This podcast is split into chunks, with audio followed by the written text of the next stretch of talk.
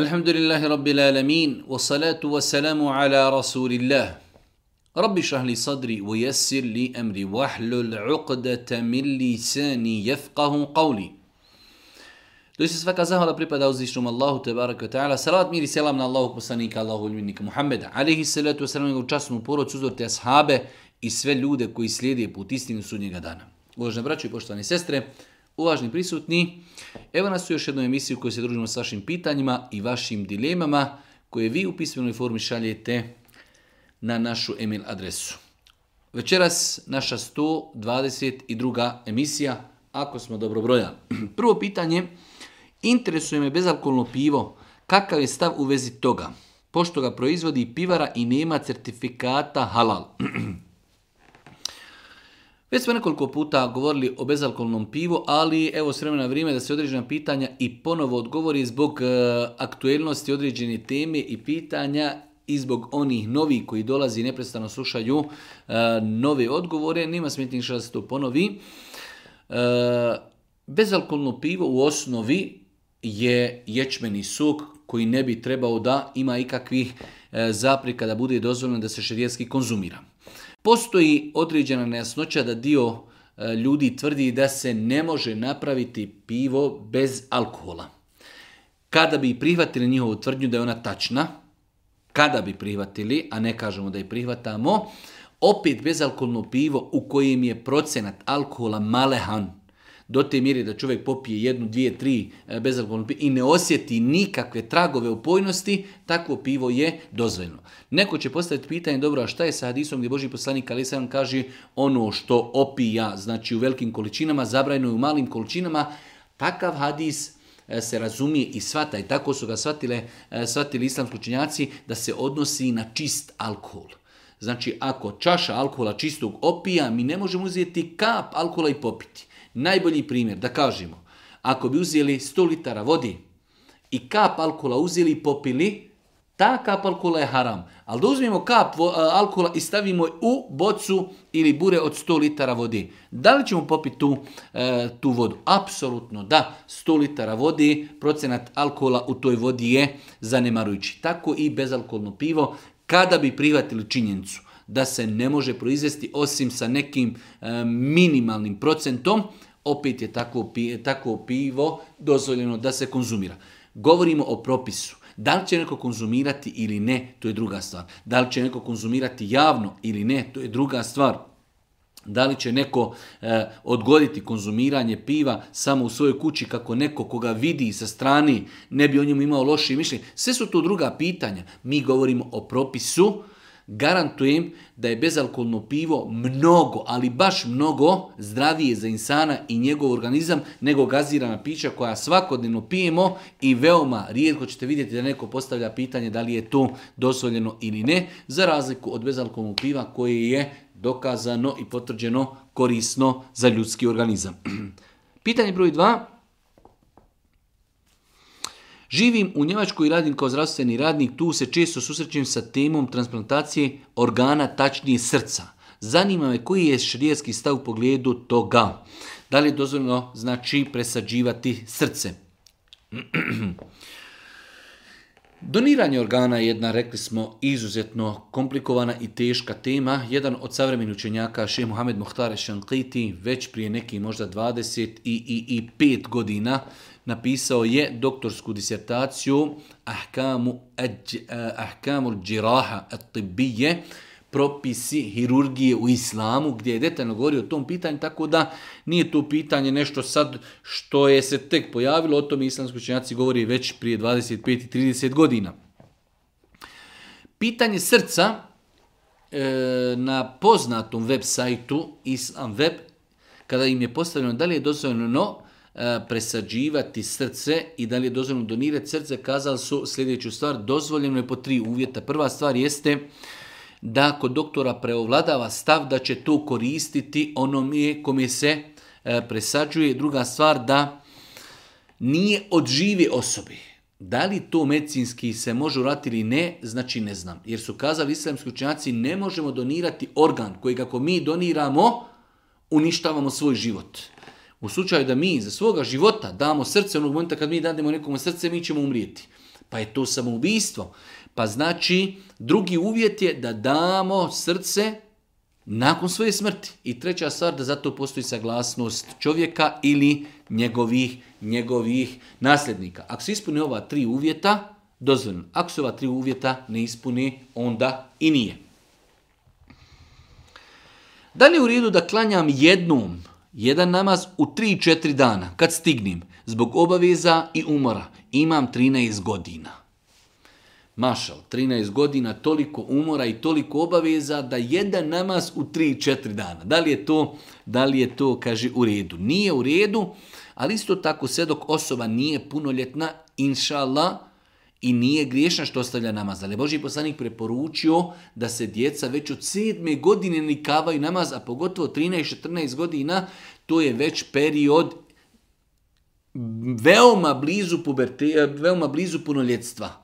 Jer u islamu dijete nakon što napuni 15 godina je punoljetno, a može biti punoljetno i prije 15 godina, tako da e, ovo pitanje da li je u redu e, s aspekta jednog u redu je ako dijete nije punoljetno i nije griješno ako ne klanja, ali isto tako 13 godina već bi dijete trebalo da klanja redovno, da se navikava i da jednostavno e, onog momenta kada postane punoljetno ima e, potpunu naviku da redovno klanja namaz, ali isto tako dijete ako nije punoljetno ne možemo za njega kazati da je e, počinilo neki prekršaj ili grije ako izostavlja namaz. Poštovani šej kako pobijeti anksioznost? Već je prisutna kod mene deset godina. Sve moguće nalaze sam uradio, hvala Allahu, sve je dobro. Ali ja nisam dobro. Vrtoglavica, grčevi u stomaku. Umor, otežano disanje, slaba koncentracija, pritisak varira, emocije nema, ljenost. Strah otići negdje misleći da će se nešto loše desiti i tako dalje. Ovo je bolje savremenog doba i mi kada govorimo o ovim bolestima uvijek kažemo da čovjek treba da objedini nekoliko stvari. Prva stvar, ne smije zapostaviti medicinu. Čovjek treba da se medicinski liječi, konsultuje, pa čak i da uzme terapije koje mu propišu doktori. S druge strane, može se desiti da određen procenat anksioznosti ili određeni simptomi mogu biti povezani sa džinsko-šetanskim djelovanjem pa je veoma bitno da čovjek ode na rukiju, da se liječi, da uzme i ono što je preventivno, učenje zikrova, nama, namaz, ostavljanje griha i tako dalje. E, a u svemu tome znači ostaju oni momenti dosta dovi, dosta sabura, e, samopouzdanje, oslonac na uzvišnog Allaha subhanu wa ta'ala, e, pomoć prijatelja, pogledajte, strah otići negdje misleći da će se nešto loše desiti. Ovdje nam fali ispravni akidi, fali nam oslonca na Allaha, fali nam vjerovanje u kader, fali nam vjerovanje u sudbinu i tako, fali nam lijepog mišljenja o Allahu. Tako da ove bolesti e, poprilično se mnogo mogu vezivati za čovjekovu vjeru za oslonac na Allaha, za lijepo mišljenje Allahu, kader, sudbina, ne može nam se ništa desiti. Kul len yusibena illa ma ketebe Allahu lena, reci, neće nam se ništa desiti osim što nam je Allah propisao. Pa kada čovjek vjernik spozna ove stvari, ulaže trud, dovi, oslanja se na Allaha, bio je na ruki, zikr, jutarnji, večernji, namaz, uči Kur'an, vjeruje u Allaha, poduzuje ono što je mogao medicinski, to je ono što je mogao, ako ne bude rezultata, tada će se strpiti na toj bolesti i ako Bog da velike nagrade dobiti zbog strpljenja na toj bolesti, iskušenju. Da li je zabrano islamu ženama ići u džamiju petkom na džumu? nije zabranjeno. Ženama nije obaveza da idu na džumu, ali ako odu, žene će slušati hudbu i klanjaće za imamom džumu. Znači žena koja dođe već petkom, ako ima prostora, imate, alhamdulillah, svakim danom sve više džamija koji ostavljaju mogućnost da i naše majke i sestre prisutuju džuma namazu, lijepo je da žene dođu i da one čuju neki vaz. Jer mi muškarci godinama petkom slušamo vazove, slušamo hudbe, što je uskraćeno našim majkama, a za vrijeme Božih poslanika ashabike su dolazile i prisutala se džuma namazu, iako im to nije obaveza. Čak je bilo situacija da sahabike kažu naučila sam tu i tu suru, suru Qaf, slušajući poslanika kako je petko na mimberi uči kroz hudbe citira. Tako da, znači, dozvoljeno da žena dođe petkom na džumu, ako već dolazi na džumu, klanja će dva rekiata onako kako klanja džemat, ali joj nije obaveza. Imam pitanje vezano za roštilj povodom 1. maja. Naime, moja poroca i poroca moga brata često roštiljamo kod njega na vikendci. Naravno, bez alkohola i bez muzike, jer smo svi uvjeri. Zanima me da li je problem ako to budemo radili i za 1. maj, jer je to dan kada smo svi slobodni u poroci. Niko ne radi. Allah najbolje zna, ne vidim ništa sporno da se 1. maja roštilja sa spomenutim uvjetima da nema muzike, da nema alkohola i da čovjek ne vjeruje da je to uopšte neki poseban dan i poseban neki termin i poseban neki, da kažemo, praznik. To što tamo neko negdje obilježava, možda uz alkohol ili nešto drugo radi, to nas ne interesuje. Meni se je danas potrefilo, neradni mi dan, mogu organizirati sebe, svoju porodcu, moj brat može organizirati sebe i svoju porodcu.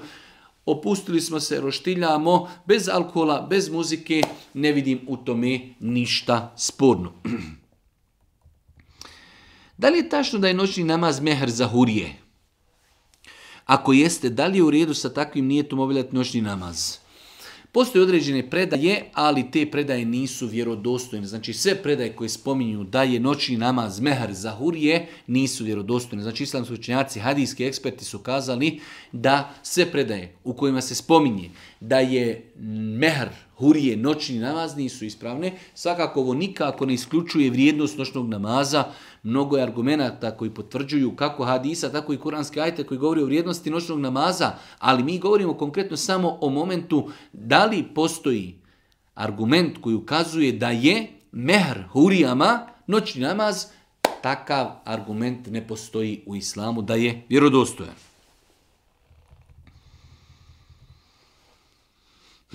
Esselamu alaikum, pošto sam nedavno počela klanjati pa me interesuje pošto radim. Ako prespavam sabah namaz i kasnim na posao, da li mogu naklanjati kada dođem kući? I drugo pitanje, pošto imam problema sa mokraćom, ako je prilikom namaza išta iscuri, da li mi je namaz validan? Ako osoba doista poduzme sve što je mogla i prespava, onog momenta kada se probudi, to je njeno namasko vrijeme. Znači čovjek ako je, šta on treba da klanja sabah u četiri, i navio je sat u četiri ili mobitel ili i jednostavno ne zna, ugasio je, prespavao i ustao je u šest. U šest sati to je njegovo namasko vrijeme. Tada treba da klanja namaz i to je to. Neispravno je u takvoj situaciji odgađati namaz. Boži poslanik kada je prespavao a Saba sa svojima sahabima, kada je Bilal e, bio zadužen da ih probudi, pa je i on zaspao i prespavao, samo je naredio Boži poslanik da se pomaknu iz doline u kojoj su noćili i odmah je klanjao saba sa sunnetima i sa farzima. Pa je neispravno odgađati namaz jer mi smo prespavali, nismo griješni. Ali sada kada smo ustali, to je vrijeme kada trebamo klanjati namaz. E, da li je, kaže ispravno, ovo je drugi dio pitanja, imam problema sa mokraćom, ako bi prilikom namaza išta iscurlo, da li je namaz validan? Ovdje E, ako bi se doista potvrdilo da je doista nešto od mokraće isteklo, da li muškarcu ili ženi toku namaza, namaz je pokvaren. Apsolutno da, zato što je pokvaren abdest.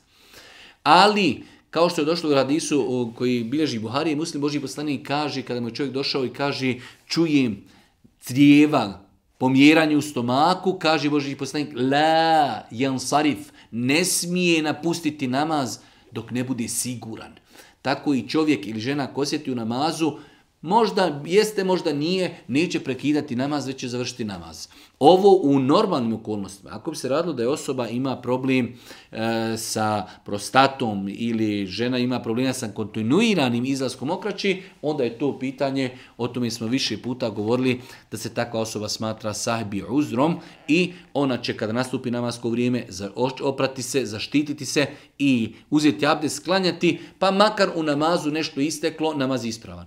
Ovo govorimo o osobama koji imaju kontinuiran problem sa isticanjem mokraći.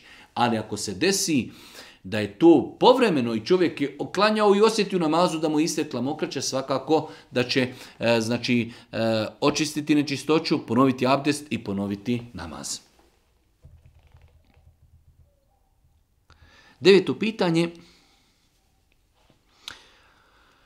Ja i moja supruga obavljamo svih pet vakata namaza, ali moji mojim roditeljima smeta to što smo se ja i moja supruga vratili vjeri i tako dalje. Na kraju, sad hoće da peku prase i zovu mene. Ja ne želim da idem kod njih zbog toga da li sam griješan ako odbijem kada me pozovu. Znači Mašal, jedan bračni par, vratio se vjeri, njegovi roditelji, spomenuto u pitanju, koriste alkohol, koriste, e, koriste i svinjetinu, pa se zna desiti da oni peku svinjetu i njih zovu da dođu kod njih na obrok. Da li je čovjek griješan ako se ne odazove? Ne, griješan je ako se odazove. U takvim situacijama treba jasno čovjek kaže ja sam vjernik, praktikujem vjeru, islamu je to zabranjeno, Allah vas nagradio, nemojte nas zvati kada to radite, mimo toga ćemo doći da vas obiđemo, da vas posjetimo, ali musliman konzumira alkohol, konzumira sinjetinu i još mene zove i još da li sam griješan? Ne, grijeh bi bio da se čovjek zove, da sjedi eh, i kada ne bi jeo, kada bi sjedio samo za stolom ili trpezom gdje ima svinjetine, gdje ima alkohola, već je čovjek griješan a kamol ne daj Bože da jedi. Tako da u takvim situacijama na lijep, blag, kulturan način da čovjek kaže izvinite, ali vas nagradio, ovo je naša privatna stvar. Mi pridržavamo se vjeri u islamu i to strogo zabranjeno. Vas savjetujem, nemojte to raditi, ali vi ako to radite u redu, na vaš račun, ali nemojte nas, nemojte nas zvati. Naime, radim za firmu koja pruža uslugu cyber sigurnosti. Neki od klijenata su nam i banke, pa me zanima da li je zabranjen taj vid posla. Firma pokušava učiniti aplikacije banaka i ostalih klijenata mimo banaka sigurnijim za korištenje. Da li znači je dozvoljeno da čovjek radi na osiguravanju aplikacija, jačanju i znači afirmativnom pristupu svemu tome, a koji se vezuju za banke. Ako je to kamatna banka, a jeste 100%, jer drugačije ne postoje, onda je to opet vid pomaganja kamatnog sistema. Mi pomažemo banku na način što smo mi omogućili korisnicima da sigurno posluju putem kamati. Tako da insan ne treba da učestvuje u takvim poslovima i to se smatra pomaganje, pomaganje kamati i kamatnog sistema. jedno pitanje. Dosta puta nam se desi da ljudi predstave se pa govori o sebi, govori o sebi, govori o problema i na kraju pitanje u jednoj rečenici, a sve to što je spomenuto nema veze sa pitanjem, tako i u ovom slučaju zovem se tako i tako, imam 52 godine i na kraju, nakon dugog pitanja, imam jedan problem, nikako ga ne mogu na, i nikako ne mogu naučiti etehijatu. A to mi je potrebno za klanjanje postoji li jedna druga sura koja bi mogla zamijeniti tu suru i tako dalje. U svakom slučaju, jedna naša sestra koja se već u nekim evo godinama, iako 52 godine nije to nešto velika starost, vratila Allahu, vratila se vjeri, naučila se namazu, on ima problem, ne, ne može naučiti etahijatu. E, treba znati da kada je u pitanju namaz etehijatu samo po sebi, to je obaveza. Već salavati namaz može biti ispravan i bez salavata, ali svakako i treba proučiti. Tako da u ovakvoj situaciji mi savjetujemo da se napiše etahijatu na papir i kada se dođe do momenta da treba uštiti etahijatu, uzeti papir, iščitati to i nastaviti dalje klanjati. Za, znači u toku dana klanjamo pet namaza, učimo 5, 7, 10, 15, 20 puta u jednom danu etahijatu, sutra 20, prekustra 20, ja sam ubijeđen za 7 dana maksimalno će čovjek ako Bog da naučiti etahijatu na pamet.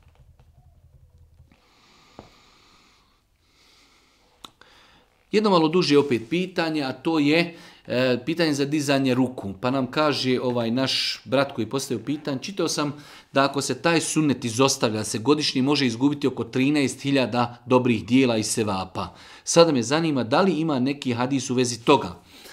E, dizanje ruku u namazu je potvrđeno hadisima koje bilježi imam i Buharija i Muslim. Sam imam Buharija napisao i zasebno djelo. On kao najveći hadijski ekspert ummeta. Znači, Imam Buharija je najveći hadijski ekspert ummeta, napisao je zasebno djelo u kojem je potvrdio da je bila praksa Božih poslanika i njegove sahaba dizanje ruku na namazu mimo početnog tekbira.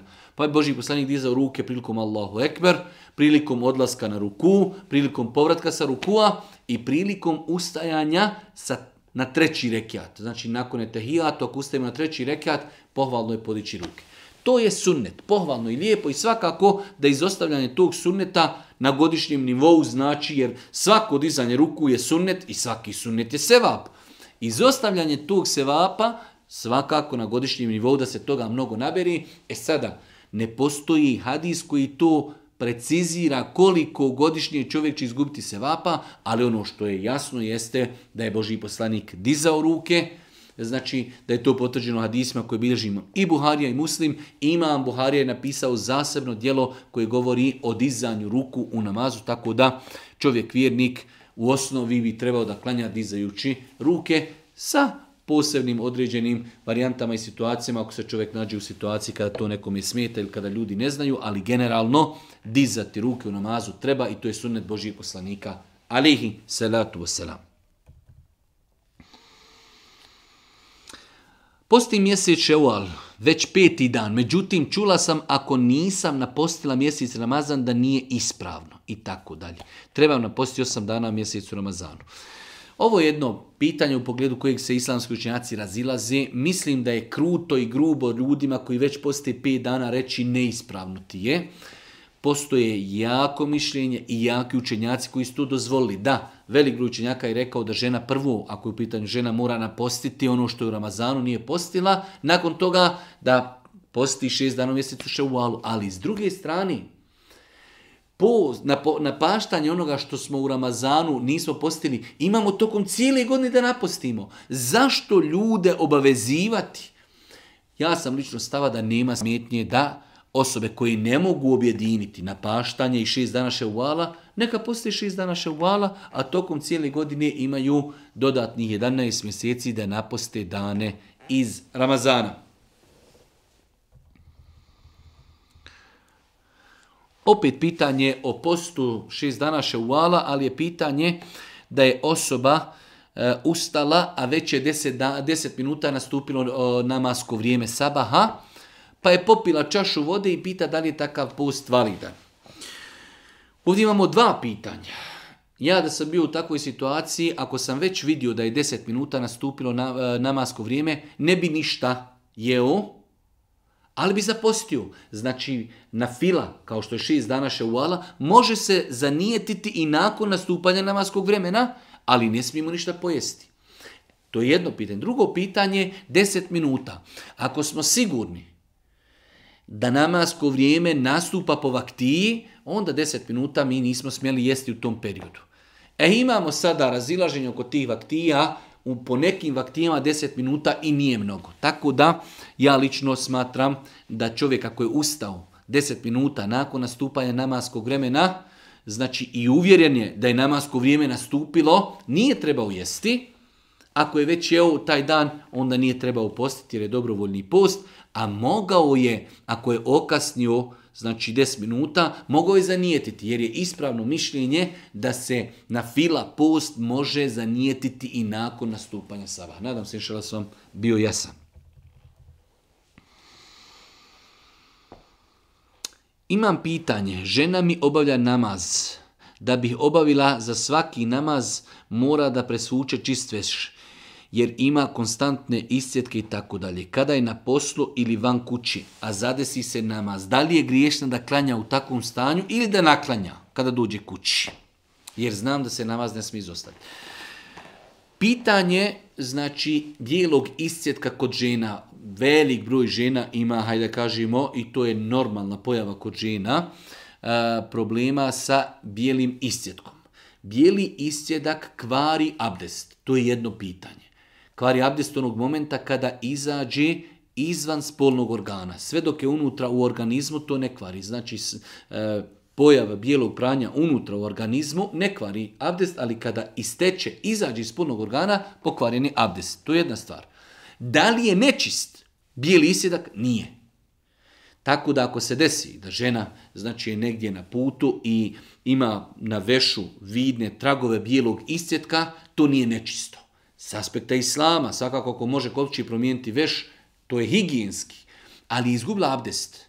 Tako da na taj način ona će samo obnoviti abdest i klanjati neće dozvoliti da namasko vrijeme prođe ako nije u situaciji, kao što je došlo u pitanju, da promijeni veš. Znači žena koja je negdje na poslu ili na putu može abdestiti, ali nema mogućnost da promijeni veš zato što na vešu vidi tragove bijelog pranja, to nije nečisto, inšala biznila, ali je pokvarilo abdest pa će samo obnoviti abdest i klanjati i ti tragovi na vešu od bijelog pranja, ako Bog da, znači nisu sporni i namazi, ako Bog da, ispravan. Znači zapamtiti za naše sestre dva pitanja. Bijelo pranje, ako izađe izvan organizma, izađe izvan spolnog organa, kvari abdest, ali nije nečisto. Tako da žena koja vidi tragove bijelog pranja na vešu, ako može to će oprati, ako može zamijenit će e, veš, ako ne može, može tako klanjati. Namaz je validan. Ja sam se u prošlosti lažno zakleo, a da još se nisam iskupio. Da li se zato treba iskupiti? Znači, lažna zakljetva u arapskom poznata kao e, jeminul gamus lažno zaklinjanje, po velikom broju islamskog je zakljetva zbog koji sam se čovjek treba pokajati. Nema iskupa. Dok je šafijski mezer smatrao da bez obzira čovjek ako se je lažno zakleo, znači to je grijeh, ali treba iskupiti se za prekrišenu zakljetvu, tako da ipak je to po meni bogobojaznije i prioritetnije da insan koji se lažno zaklinjao, treba da se pokaja Allahu te ala kao teuba, ali isto tako i da se iskupi Znamo kako se čovjek iskupljuje za prekršenu zakljetu. Molim vas, da li mogu da postim dok putujem na putu, da što više dana stignem da ispostim u mjesecu ševalu? Svakako da osoba koja putuje kao putnik može postiti na filu na putu, ako joj ta na fila ne predstavlja problem. Imate ljudi, postoje ljudi koji mnogo putuju i ako ne bi postili na putu, ne bi, mogla, ne bi mogli e, postići nagradu šest dana šauala. Tako da takvim osobama kažem, postite na putu. Znači dok putujete postite. Ako vam to nije poteškoća i problem, e, znači čovjek kada je na putu nije mu obaveza postiti.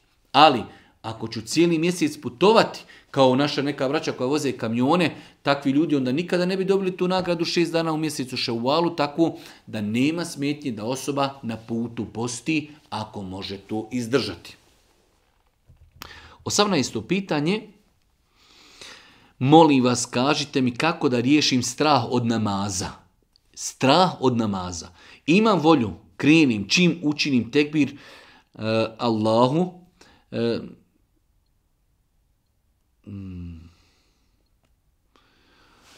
dobijem osjećaj kao da je neko iza mene. Nisam u redu, srce mi jako lupa i tako dalje. Znači osoba ima strah od namaza, kako to riješiti.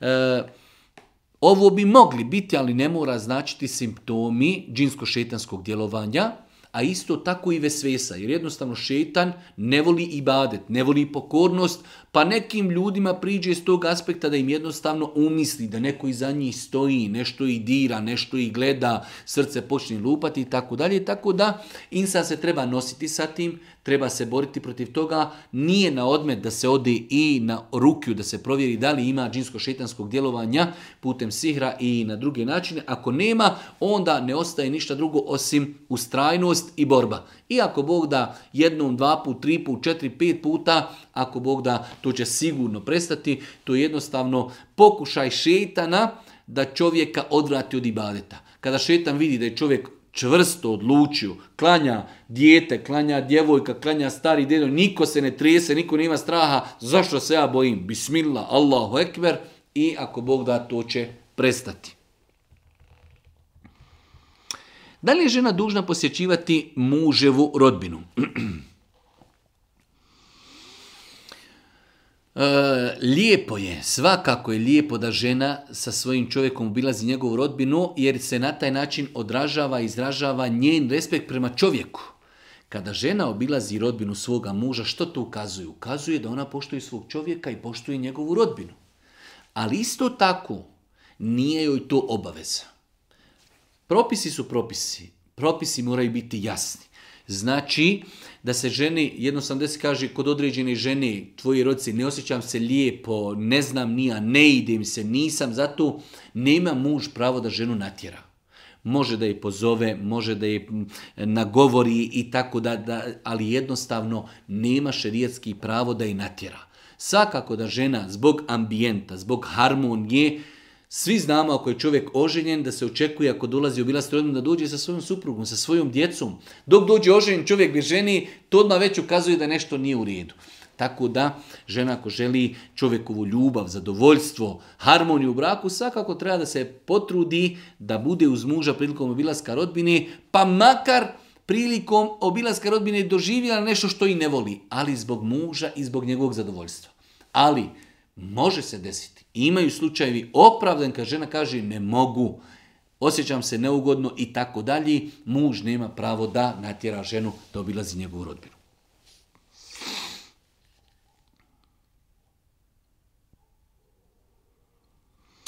duže opet pitanje, a na kraju pitanje e, rezimira se da li je ispravno podizati kaži prst desne ruke u toku sjedenja u namazu tokom učenja tehijatu. Prilikom učenja tahijatu na namazu postoje znači tri stava, da li se kažipis miče ili ne.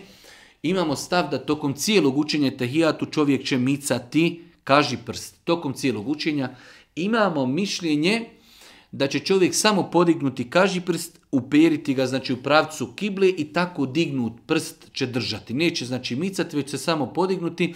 Imamo mišljenje koje je zastupljeno kod nas, u našem narodu, da se samo kaže prst podiže na išhedu en la ilaha illa, išhedu Muhammeden abdu rasulu. Najjače mišljenje s aspekta hadijski, znači znanosti, jeste da se prst samo podigne i znači usmjeri se u pravcu kibli. Nakon toga drugo pojačin mišljenje da se miči, a treći pojačini je mišljenje da se samo podigne prilikom izgovora. Znači, šedon la ilaha illa, šedon Muhammeden abdu rasulu. To su, da kažemo, sunneti namaza, ne smije to nikako biti predmet mržnje, rasprava, svađi, e, ne, znači jednostavno previranja i tako dalje. E, znači svaki insan neka uzme i odabire ono što njegovom srcu odgovara, odnosno ono što je vidio da je najjači s aspekta dokaza.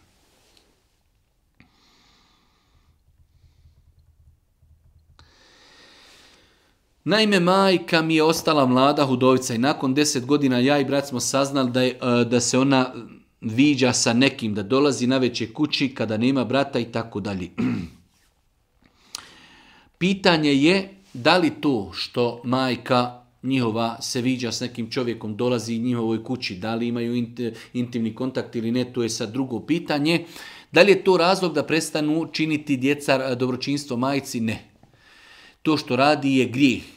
I to je taj naš balkansko bošnjački mentalitet gdje žene smatraju sramotom nakon smrti muža se udaju, a ne smatraju sramotom da imaju ljubavnike, što je greška katastrofalna. E, žena koja ima potrebu za čovjekom moralno, čedno, čestito da se uda, a ne da ne daje Bože svoje intimne potrebe zadovoljava na haram način. To je jedna stvar. Ali ako se već desi takva stvar, djeca ne trebaju prekidati vezu sa svojom majkom, trebaju činiti dobročinstvo i trebaju ih savjetovati. Znači, ne trebaju, ne daj Bože, iznositi pot, potvoru, da ih potvoraju za nešto što nisu vidjeli kao što je blud, ali da kažu vidimo, znamo, dolazi neko kući, ako imaš potrebu, udaj se, ali nemoj raditi grijehe, to je haram i tako dalje. Znači, ostati dobročinstvo majci ostaje, da je najveći nevjernik na, na planeti, dobročinstvo majci ostaje, ali ostaje isto savjet na blag, lijep, mudar način. Paziti se da čovjek ne iznese potvoru na majku. To što neko dolazi e, ne mora znašti da ne daj Bože čini nemoral, ali treba upozoriti da sam dolazak muškarca u kuću u kasne sate je neprihvatljiv.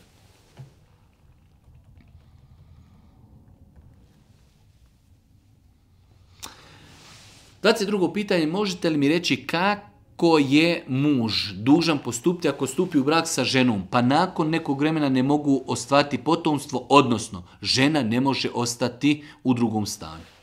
Da li je muž dužan razvesti tu ženu?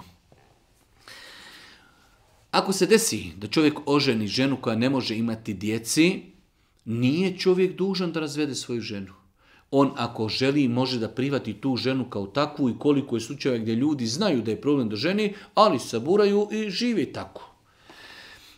To je jedna stvar, jer je pitanje da li mu je obaveza. Nije mu obaveza. To je njegovo pravo da ima djecu, on može odustati od svog prava. Pa tako da ja u takvim situacijama savjetujem što više dovi, što više fara, pokušaj van tjelesne oplodnje, a na kraju, znači, e, smatram da je svakoj toj našoj i sestri bolja opcija da ostane u braku sa tim čovjekom, a da čovjek oženi i drugu ženu, da ima poligamni brak, gdje će ostvariti svoje pravo, njegovo pravo da ima potomstvo ostvarit će sa drugom ženom potomstvo, a ostaće ta žena, njegova supruga, da ne bi bila, da kažemo, ostavljena, da ne bi bila zapostavljena, kada se čuje da neće moći imati, da ne može imati djece i možda i neće više niko tjeti ženti, ostaje sa svojim čovjekom, on ima mogućnost putem poligamnog braka da ostvari svoje pravo da ima djecu, a ako želi, on ima i pravo da ostane sa njom u braku i da se strpi da odustane od svog prava.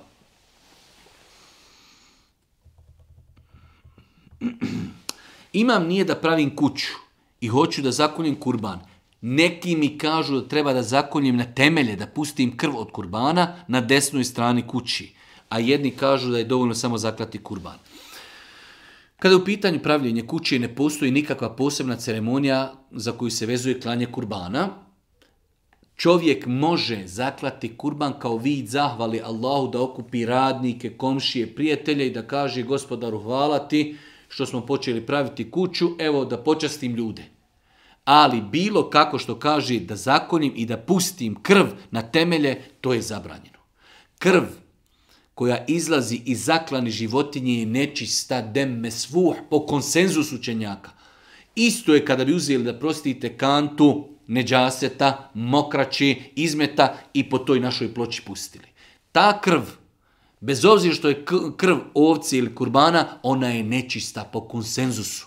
I zato e, upozoravamo na ovakve stvari. Ovakva uvjerenja su neispravna. Za velik broj ti uvjerenja e, znači vezuju se pogrešne stvari kao krv čuva e, budućnost, kuću od džina, od šetana, od e, i tako uroka, što je apsolutno haram i zabranjeno. Može se zaklati kurban, nikakve veze da ima sa temeljima, krvlju, ništa. Kurban se ispeče i čak termin kurban je sporan, ali evo, zakolje se životinja, ispeče se, podijeli se komšijama, prijateljima, na ime zahvalnosti Allahu što nas je počastio da pravimo kuću.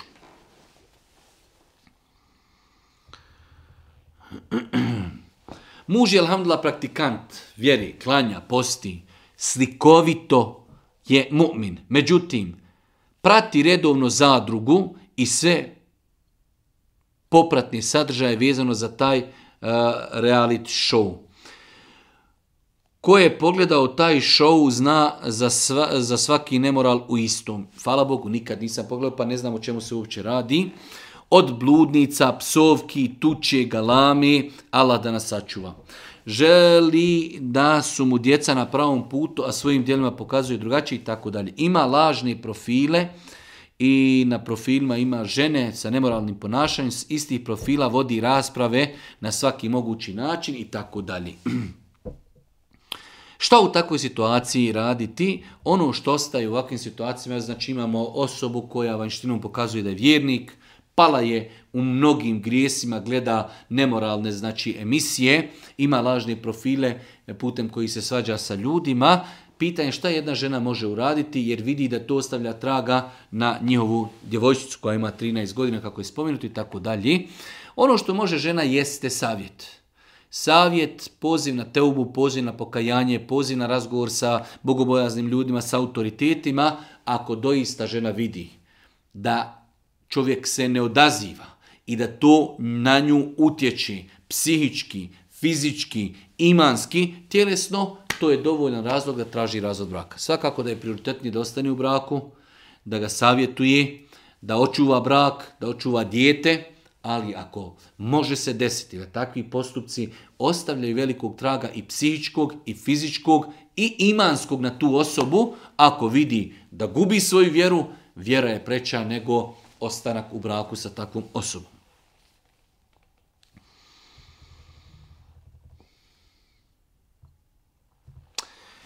Jedno malo duže pitanje, čovjek kaže prije dvije godine sam se okrenuo Bogu, počeo sam klanjati pet namaza, učim Kur'an, kupio sam dosta islamskih knjiga i na momente toliko volim da o islamu naučim sve što postoji, svu literaturu da čitam, sve dove da naučim i tako dalje ali na momente Allah da sačuva prođu mi svakakve misli niz glavu i tako dalje, e, pa je pitanje e, o čemu se radi.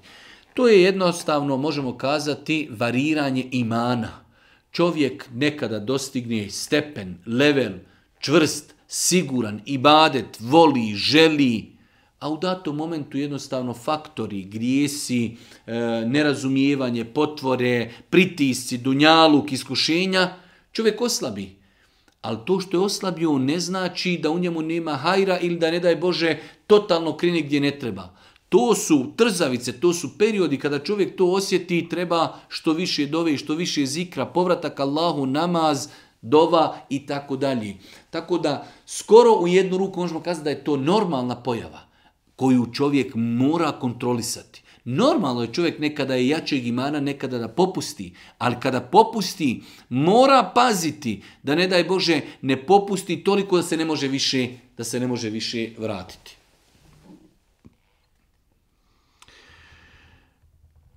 Puno puta sam čuo da će u kaburu biti ljudi kažnjeni koji se ne čuvaju mokraće. Šta to znači? Iz razloga što klanjam svih pet namaza, pa želim da mi namaz bude ispravan. Šta znači da će ljudi biti kažnjeni u kaburu zbog mokraći? Razlog je što se ljudi nisu čuvali od mokraći. Mokraća je nečista po konsenzusu islamskog činjaka samim time ako se čovjek ne čuva, njegovo tijelo nije čisto, njegova odjeća nije čista, klanjao je sa odjećom koja je nečista, na tijelu koje je nečisto, zbog toga će čovjek biti kažnjen. Znači, zbog čega će ljudi kažnjeni? Zato što nisu čuvali mokraći. Šta znači nisu čuvali? Nisu pazili. Čovjek koji obavi, e, znači, mokri, obavi malu fiziološku potrebu, mora se nakon fiziološke potrebe očistiti. Nažalost, kod nas pogotovo e, u tim nekim, da ih nazovem, malo ruralnim sredinama, ljudi ne smatraju da je mokraća nečista. Ljudi koji idu u džamiju, nečiste se od mokraći, smatraju da je samo izmet nečist, što je apsolutno netačno čovjek nakon što završi fiziološku potrebu mokrenja mora se očistiti, oprati ili vodom ili toalet papirom ili, ili znači e, kamenom kako je pojašnjeno u hadisma Božih poslanika, ali se mora čuvati od mokraći, Čuvati tijelo, čuvati odjeću i ako Bog da na taj način e, čuvati i svoj namaz.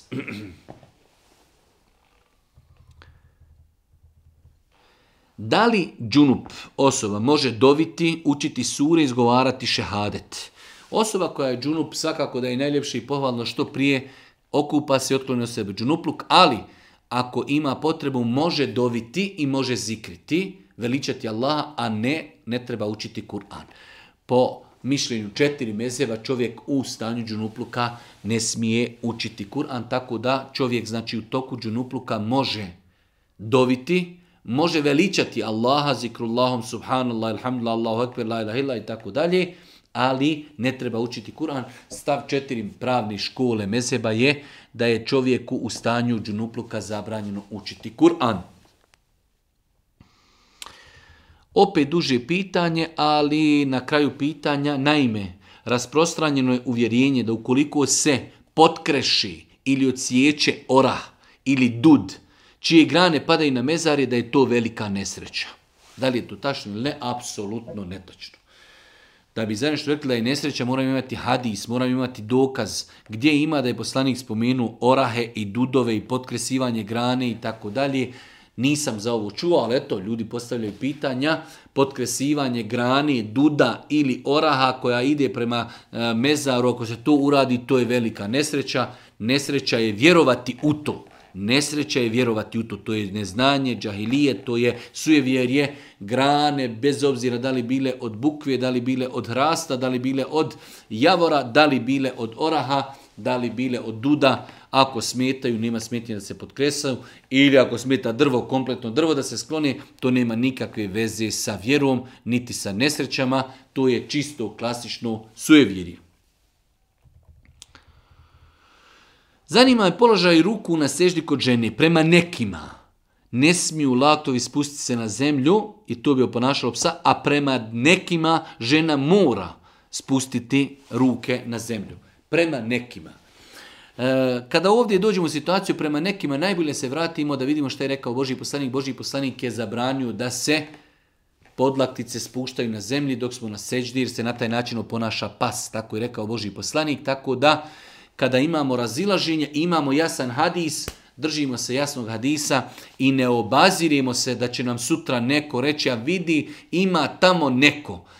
U situacijama kada imamo jasan nas, kada imamo jasan odgovor poslanika o nekom pitanju, tu zaustavljamo sve rasprave praktikuje ono što je poslanik rekao, žena u namazu kada je na seždi treba da podigne podlaktice, baš onako kao što i podiže i muškarac bez ikakve razlike. Zabrana se odnosi i na muškarce i na žene. Htio bih da pitam da li je dozvoljeno na farzu, na seždi, nakon što tri puta proučimo Subhana Rabijel Ala, proučiti neku kratku dovu na jeziku koji razumijemo.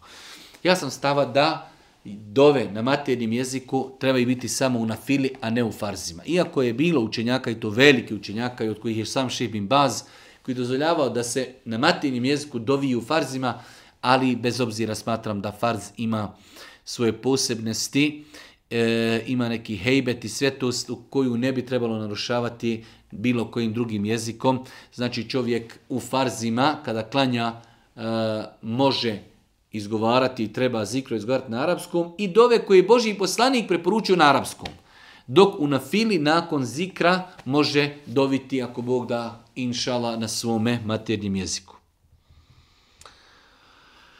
Naučila sam da klanjam sunnete i kindije tako što klanjam dva rekiata, učim etahijatu, salavata i nakon toga ustanim, učim subhaneke kao sve iz početka. Da li je to ispravno?